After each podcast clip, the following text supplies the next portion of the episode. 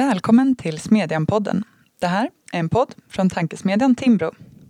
Innan vi drar igång, några lästips från veckan. I Georgiens svåra väg till Danmark skriver Ida Arnstedt om Georgien som länge betraktats som det liberala hoppet bland de tidigare Sovjetrepublikerna men där oppositionsledaren nu i veckan har gripits och hur vägen till den stabila liberala demokratin verkar bli betydligt längre och svårare än vad många hade föreställt sig. Med planetens undergång som affärsidé heter en text av Ambjörn Johansson som handlar om den ständiga kris som råder i naturen, åtminstone om man ska tro medierapporteringen. Och bakom den finns en idealiserad föreställning om den orörda naturen som företräds av en stark lobbyorganisation, Svenska Naturskyddsföreningen. Men jag heter Katarina Karkiainen och idag ska vi prata om Vänsterpartiet, dess kommande vägval, historia och ideologiska grund. Partiet som kanske inte alltid står helt i centrum för politiken men som spelar en viktig roll i svensk politik som ingår i regeringsunderlaget och som relativt nyligen har valt en ny partiledare. Men som också ånyo har fått kritik för sina visioner och sin ideologiska grund. Var, vad består den här kritiken i och står den på goda grunder? Är det kommunism som är partiets mål med politiken? Och vad innebär det för hur resten av politiken och partierna bör hantera vänstern? Med mig för att tala om det har jag Magnus Utvik, författare bland annat till boken Partiet på kant med verkligheten. Välkommen! Tack så du ha. Vi har också med oss inte mindre än två statsvetare. Stig-Björn Ljunggren, politisk chefredaktör på den socialdemokratiska tidningen Sydöstran i Blekinge. Välkommen! Tack så mycket. Och Sven Dahl, chefredaktör här på Smedjan. Hej! Hej Katarina! Vänsterpartiet har ju diskuterats de senaste veckorna, lite här och där. Bland annat på grund av att partiets ungdomsförbund Ung Vänster i januari antog ett principprogram där ett kommunistiskt samhälle förklaras vara förbundets mål.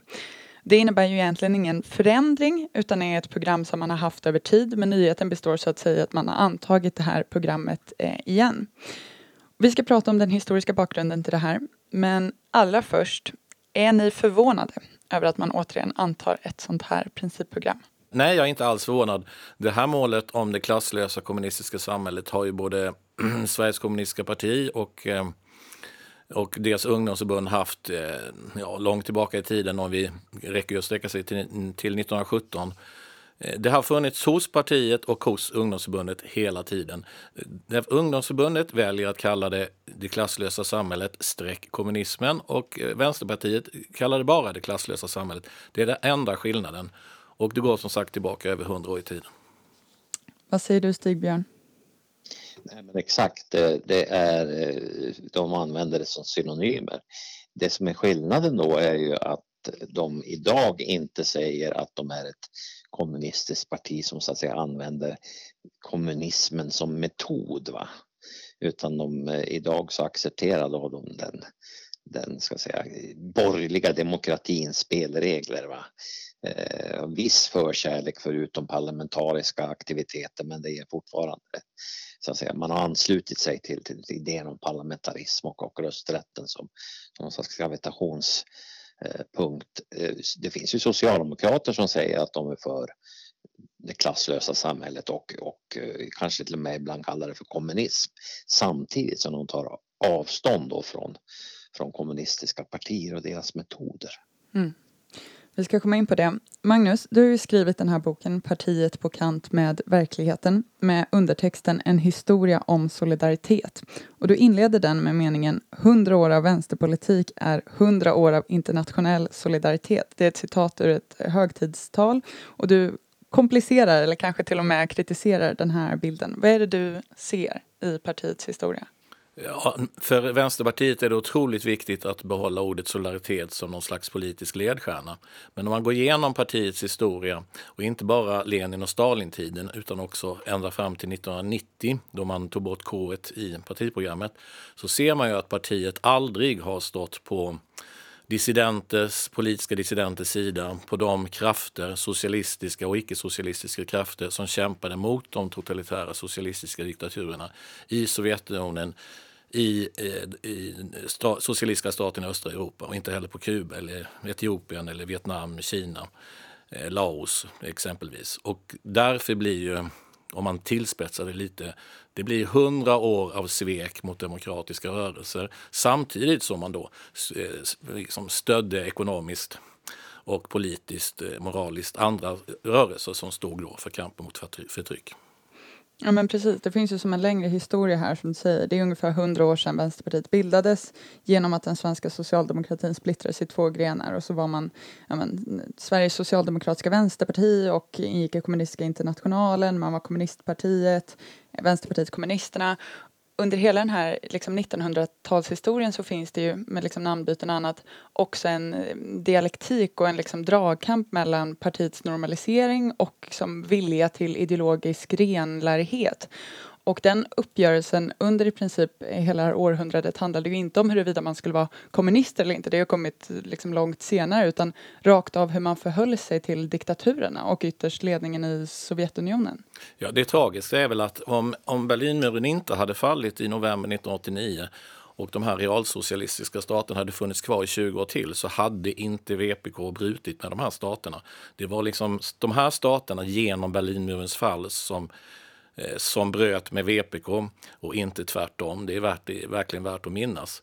Eh, och sen det svåraste för VPK, eller svenska Vänsterpartiet idag, det är ju just de här sveken mot demokratirörelsen. Som till exempel fackföreningsrörelsen i Solidaritet i Polen. Som i, från 1980 och framåt samlade nästan 10 miljoner eh, medlemmar, både arbetare och intellektuella och många från katolska kyrkan. Det sveket har man ju aldrig bearbetat. Och eh, det är väl nog det som sitter som en stor tagg i Vänsterpartiet. Och skulle man ta upp det här sveket så är jag rädd för att, om man ser det från en vänstersynpunkt, att Vänsterpartiet skulle implodera.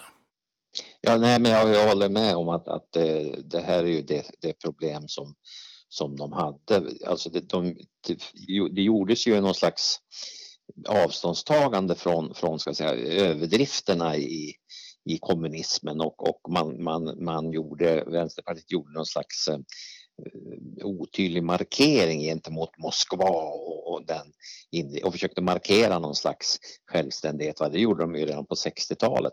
Men de bröt ju aldrig. Va? Eh, och det är precis som Magnus säger att hade, inte, hade man inte i öst eh, packat ihop, alltså då hade Vänsterpartiet fortfarande haft det här kåt kvar tror jag. Eh, och, och eh, ja, precis som Magnus säger, att det var ju öst som bröt med Vänsterpartiet snarare än tvärtom. Mm. Det var ju sen också först som ni säger efter murens fall som man bestämde sig för att ta bort kommunisterna och då stod man ju också lite inför beslutet att antingen söka någon slags medelväg som kunde samla de här motstridiga viljorna i partiet eller liksom som slutligen korsa Rubicon och rensa bort kommunismen och kommunisterna en gång för alla. Och även då så anförde man ju från partiledningen väldigt pragmatiska skäl till det här och kom fram till att man, man skulle inte kalla sig för kommunister men alltjämt ha kvar visionen om ett kommunistiskt samhälle. Skulle ni säga att det är ungefär där man fortfarande befinner sig idag? Ja, alltså ett, ett klasslöst samhälle och, och, vägen dit idag går ju, alltså de har ju inte någon tydlig alternativ samhällsordning till, till den nuvarande utan hela deras affärsidé utgår ju från att försvara offentlig sektor i kampen om brödbitarna, att, att hitta på nya metoder att, så att säga, pungslå kapitalismen. Och sen har de så att säga, ställt det här på, på vänt, va? det här klasslösa samhället. Eh, idag är de ju, jag brukar säga att de är mer, mer eh, någon slags Jesusföljare och att vi ska vara goda mot varandra eh, än att de är leninister. Eh, så att eh, eh, om det är mindre, mer eller mindre farligt, det, det kan vi alltid diskutera. Men Röda armén finns inte längre i bakgrunden och det gör ju att det är ändå en viss skillnad. Jag håller ju med om att Röda armén inte finns i bakgrunden för annars hade ju många svenska kommunister varit eh, alltså landsförrädare. Men om man går tillbaka till, om man ser till C.H. Hermansson som är Vänsterpartiets absolut viktigaste teoretiker sen i alla fall han tog över 1964, så säger han i en bok som heter Socialism på svenska eh, 1980 att eh, övergången från kapitalist till socialism är citat en sån genomgripande, av så genomgripande natur att det alltid måste betecknas som en revolution. Och han säger också att en revolution är citat reformer som ingriper så djupt i samhällets struktur att de bereder vägen för ett nytt samhällssystem. Ja. Och i Vänsterpartiets program så står det ju Eh, handlar det om att ett nytt politiskt och ekonomiskt system ska följa på kapitalismens avskaffande och det systemet är ett kommunistiskt samhälle. Det är lite svårt att se det på ett annat sätt än som en revolution. Dock inte en revolution som över en, en, en dag eller över en natt utan månader och, och, och år. Och det är precis det som C.H. Hermansson pratar om i sin bok. Ja, ja precis. Men, men, vad, men vad den här ordningen är för någonting, det vet vi inte. Det, det har de inte längre någon idé om. De har liksom inte ett alternativ. Jag undrar, jag tolkar dig Magnus som att det här är liksom viktigt eller till och med grundläggande för tolkningen av partiet även idag. För många så är det ju rätt naturligt att det är så att säga det här med liksom kommunistbegreppet som får en att eh, se rött, eller se rött. Det var inte, inte menat som ett skämt. Men det kanske måste som förstås utifrån eh, historien också, vad man har menat tidigare med det här. Ja, men det finns, det finns kvar i Vänsterpartiet ett kommunistiskt tänkande som har funnits sedan, sedan 1917 eller snarare i början av riktigt i början av, av 1900-talet. Och det här kommunistiska tänkandet det kommer ju hela tiden, flödar ju in också i partiet från ungdomsförbundet där man är mycket mer så att säga leninistiskt inriktad än vad partiet är. Vi får inte glömma att partiet tog, Vänsterpartiet tog bort K 1990 för att 2004 välja Lars Ohly, en uttalad kommunist, till partiledare. Ehm, nu har vi Ida Gabrielsson som sitter högt upp i partiledningen. Hon är också uttalad kommunist. Ali Esbati är också det. Det finns ingenting som säger att Vänsterpartiet kommer att säga, gå längre åt höger. De kanske kan stryka en och annan skrivning, men i grund och botten så skulle jag vilja säga att det är samma parti idag med samma politik som det var 1990. Ja, det var ju som en stor intern diskussion i partiet om det här begreppet då för 15 år sedan som du säger. Och många av dem som idag sitter i partistyrelsen deltog i den då. Ida Gabrielsson som nu är vice ordförande ett sådant exempel. Alice Bati också eh, som, som ville kalla sig för kommunister. Aron Etzler en annan som inte gjorde det men som däremot förde ett eh, resonemang som läste om i, i Flamman som löd, och nu citerar jag de som är rädda för att radikaliteten försvinner med ordet kommunism borde studera de ställen i världen där det finns en växande radikal vänster. Se på Chavez koalition i Venezuela, det nya vänsterpartiet i Tyskland eller den unga vänstern i Norge. Det är sant att borgerligheten alltid kommer att hitta angreppsvinklar mot vänstern oavsett vad den kallar sig. Men Vänsterpartiet har idag den sämsta av två världar. Ett parti som inte är tillräckligt systemkritisk och ändå ska dras med kommuniststämpel. Det motsatta vore betydligt bättre. Det vill säga, och här är då citatet slut. Jag tolkar det som världshistorien är liksom full av kommunister som borde vara exempel för varje demokrat men ideologin saknar lyskraft. Därför är det liksom inte lönt att dras med den här stämpeln för att radikaliteten kommer vi ha oavsett och idéerna kommer vi ha oavsett.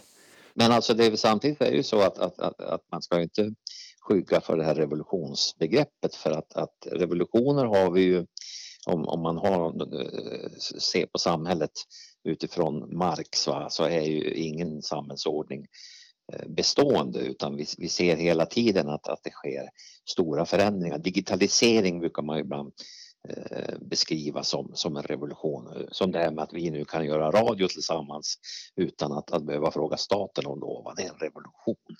Så att det tycker jag, det ska man inte vara rädd för. Och jag, om de använder ordet kommunism eller inte tycker inte jag är intressanta utan det är ju vad menar de med det här slutmålet? Och då är det ju ett det är alltså ett samhälle där man har avskaffat ska vi säga, det strukturella förtrycket. Det råder någon form av harmoni och de problem som finns de kan man så att säga lösa med fredliga medel. Det behövs inte sådana här eh, kamp eh, alltså klasskampsaktiga eller, eller könskamp eller eh, den typen av, av liksom, djupa konflikter utan allting går att resonera sig fram till.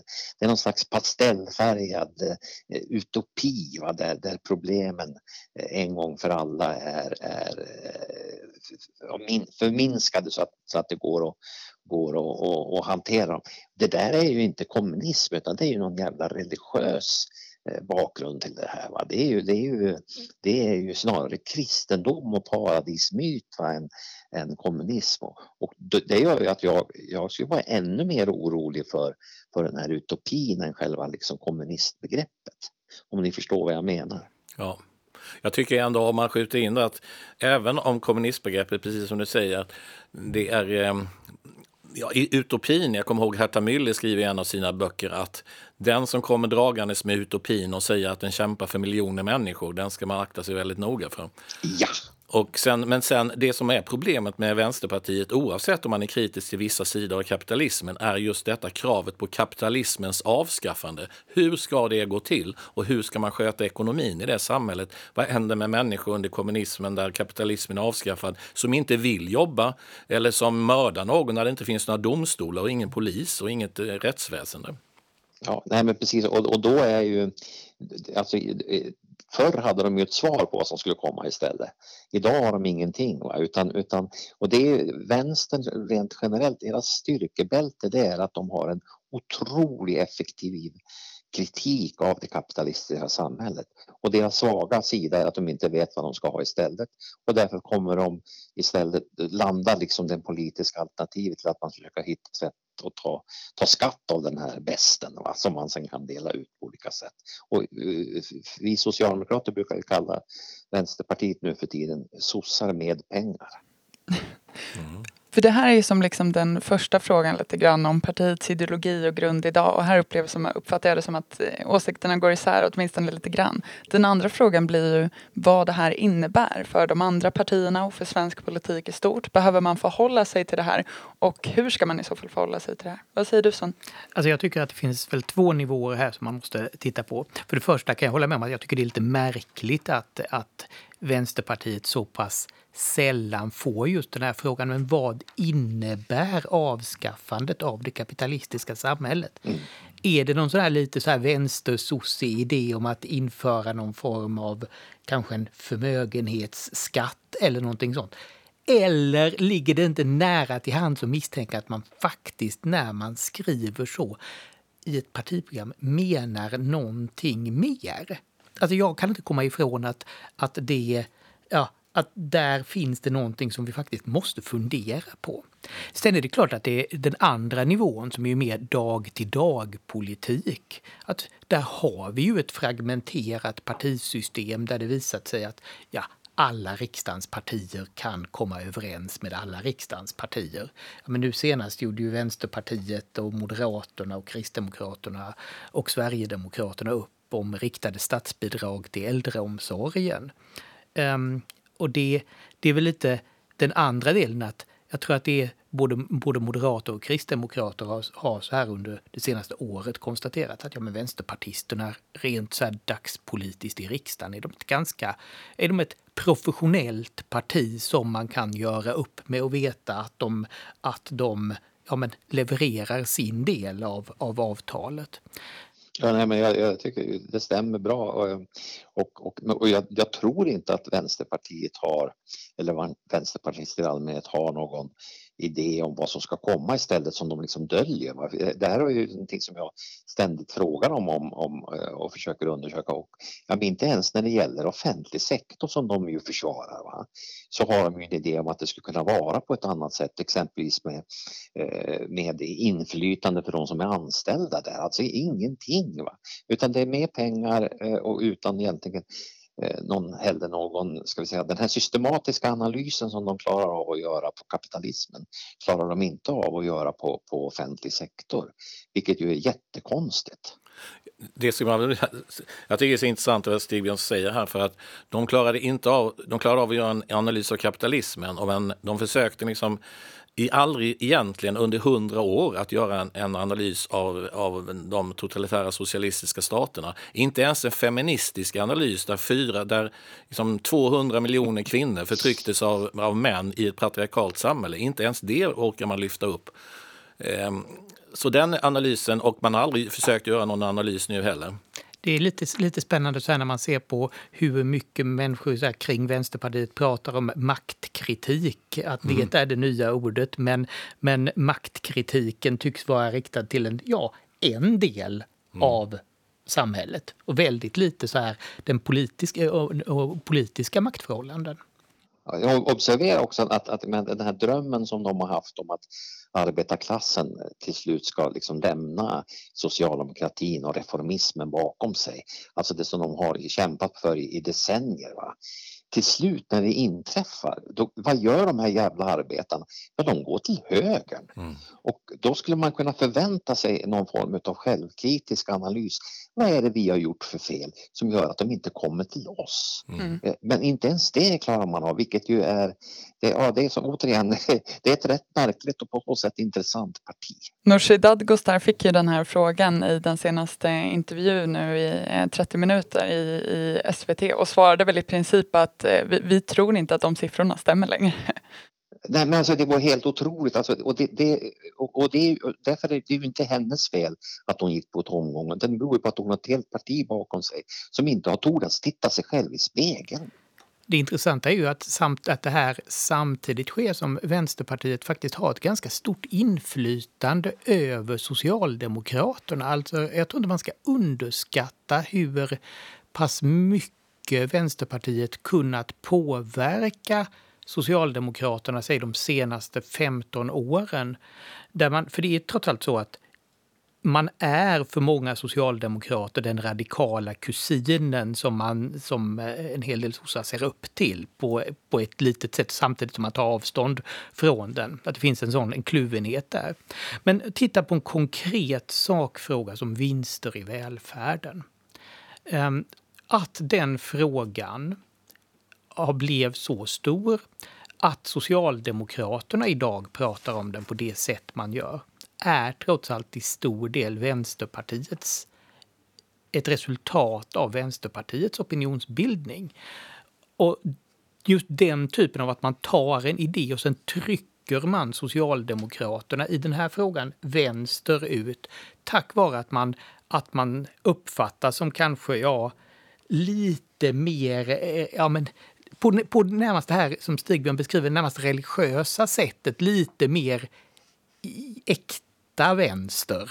Mm. Och att den typen av inflytande tror jag att man ska underskatta. Att här, och det är också en anledning att fundera över vad är, det, vad är Vänsterpartiets långsiktiga projekt? Just för att Vänsterpartiet har någon form av, långt in i Socialdemokraterna, någon form av moraliskt företräde kanske man nästan kan prata om. Och som kanske då förstärkts i och med att ja, men så här, det börjar bli allt fler. Att det har börjat gå ganska många år sedan, ja, sedan 1989. Mm, mm.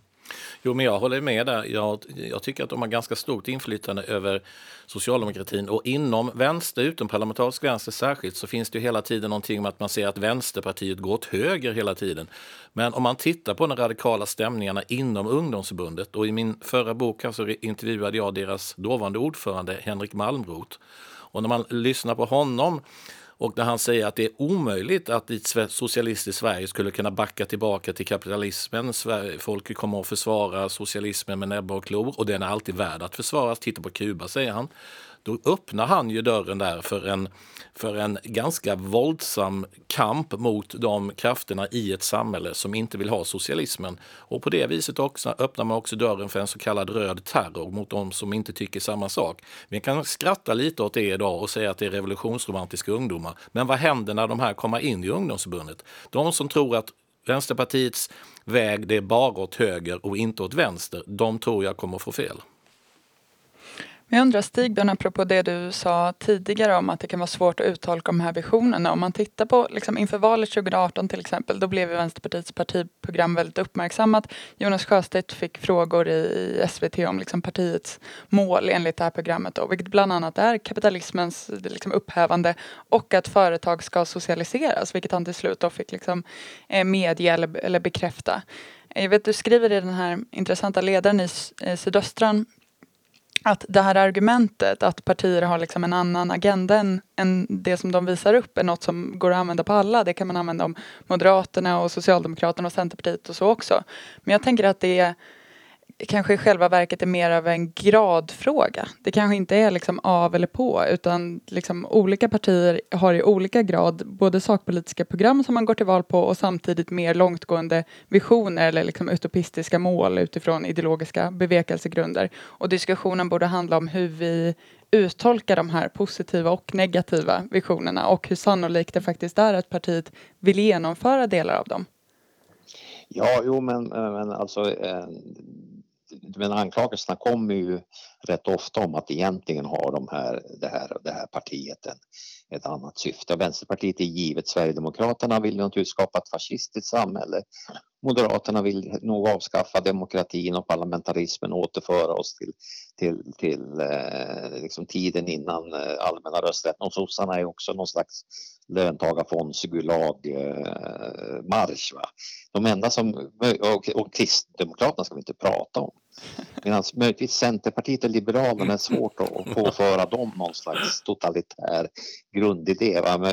Mjölkpriset blir, blir eh, högre och, och i det ena fallet och att docenterna får mer politiskt inflytande i det andra.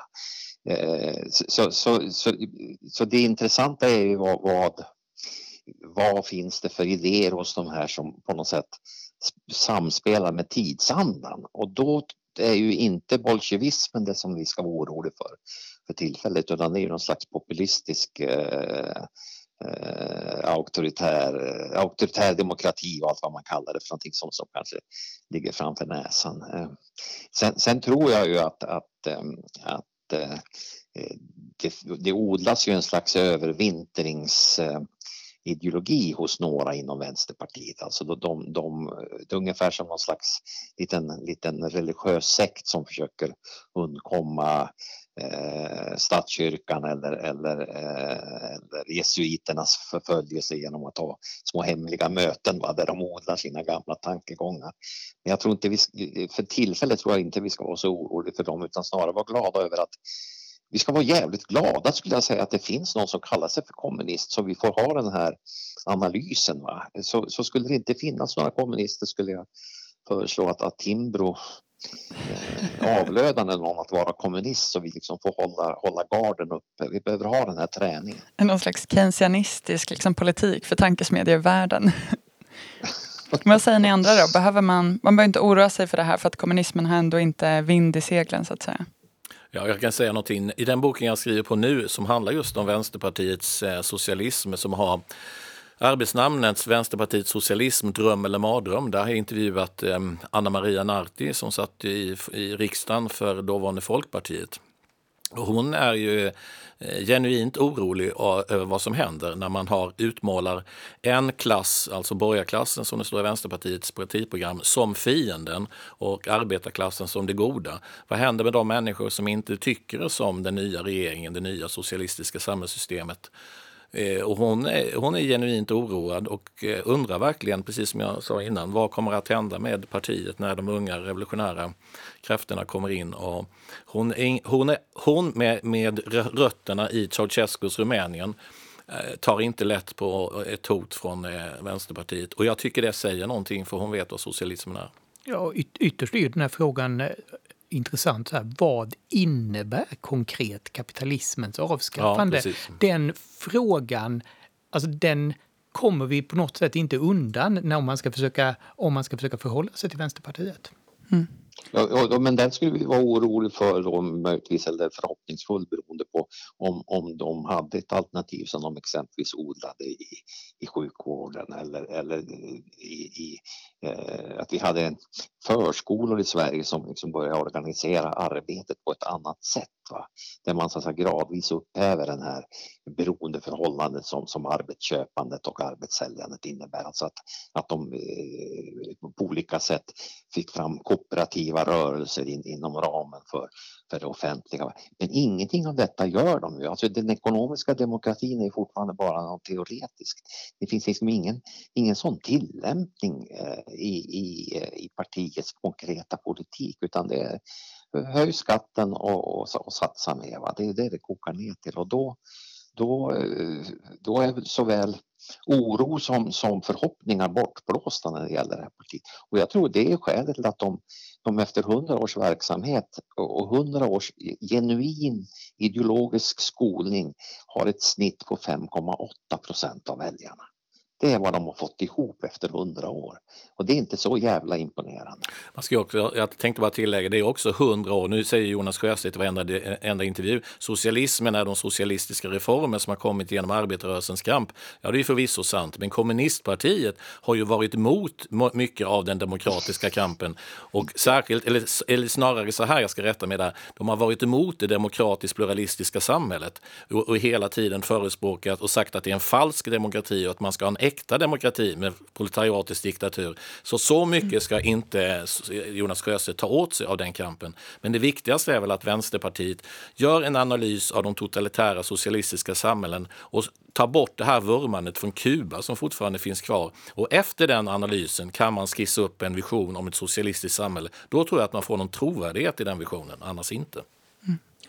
Sven, jag tänker att den här diskussionen ofta hamnar i en av de sakerna som varit inne på att man vill jämföra liksom olika partier med varandra och kanske väga deras liksom ideologier och ställningstaganden mot varandra. Och också liksom den strategiska aspekten av hur väl den ena kan tygla den andra. Eftersom frågan också till syvende och sist handlar om vem som borde få styra landet, på vilka ideologiska grunder och utifrån samarbete med, med, med vem. Men jag tolkar er alla som att ni ändå inte tycker att socialdemokratiskt samarbete med Vänsterpartiet till exempel borde vara något problem. Likadant som man borde kunna samarbeta med Sverigedemokraterna. Ja, men ytterst handlar ju det om att förverkliga politik. Alltså politik är ju ett hantverk, att man vill förverkliga sitt, sitt program. Och då samarbetar man ju ganska naturligt med de partier som finns där att samarbeta med. Det behöver ju inte nödvändigtvis vara partier som man gillar. Alltså Socialdemokraterna har aldrig gillat Vänsterpartiet.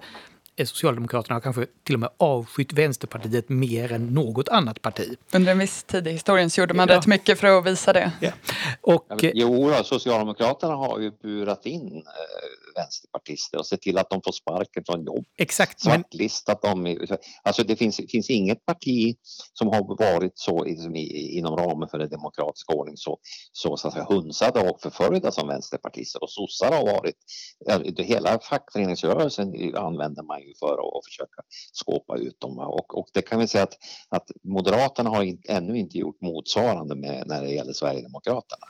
Nej, det, kärnan är just det att man, tar, man samarbetar tar stöd av de partierna som finns där. Sen är ju det centrala, ja. och det anknyter väl till det som Stigbjörn säger, att man när man pratar med extremerna så måste man veta var man ens gränser går. Och där kan man väl säga att Socialdemokraterna historiskt sett var väldigt, väldigt duktiga på att dra gränser.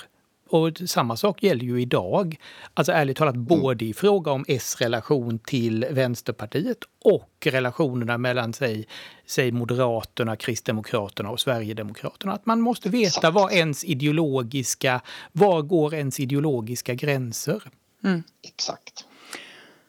Om vi allra sist avslutar på den här lite mer ideologiska bogen igen då. Med den här utvecklingen som vi har sett sedan, säg 1990-talet. Magnus, ser du att det finns en naturlig följd av det här som leder till att man så att säga till slut släpper visionen om kommunismen och normaliserar sig så till den grad att en sån som du kan vara nöjd? Jag blir aldrig nöjd. nej, men nej, det ligger alltså. Eh, Vänsterpartiet har inget existensberättigande om man inte har ett, ett, ett, ett, en, en vision, ett mål som ligger bortanför detta samhället. Det är som Stig-Björn Ljunggren säger här att eh, den här visionen är så viktig. Det är alltså paradiset på jorden. Det är den som ger ungdomen som kommer in i partiet kraft. Och Vänsterpartiet har ju ökat med 30 procent medlemsantal på de sista tio åren. Och det är inte för att jorden bara är orättvis. Det har man alltid varit. Utan det är ju för att partiet har just det här, den stora visionen om en helt annan värld. Den ska vi inte glömma. Och den är, det är en mäktig vision, alltså mäktig kraft. Det får nog lov att bli sista ordet idag. Och jag får lov att säga varmt tack till Magnus Utvik, Stig-Björn Ljunggren och Sven Dahl för att ni ville vara med idag. Tack så mycket. Tack, tack. Tack, tack. Tack. Tack också till er som har lyssnat. Om ni tyckte att det här var intressant, läs naturligtvis Magnus Utviks bok. Vi har också på Smedjan lyft upp en text idag från i december som är en historisk genomgång av turerna i Vänsterpartiet där vi konstaterar att Vänsterpartiet gjorde aldrig upp med själva kommunismens idé. Den och mycket annat finns att läsa på timbro.se smedjan. Vi ses där och hörs igen här om en vecka.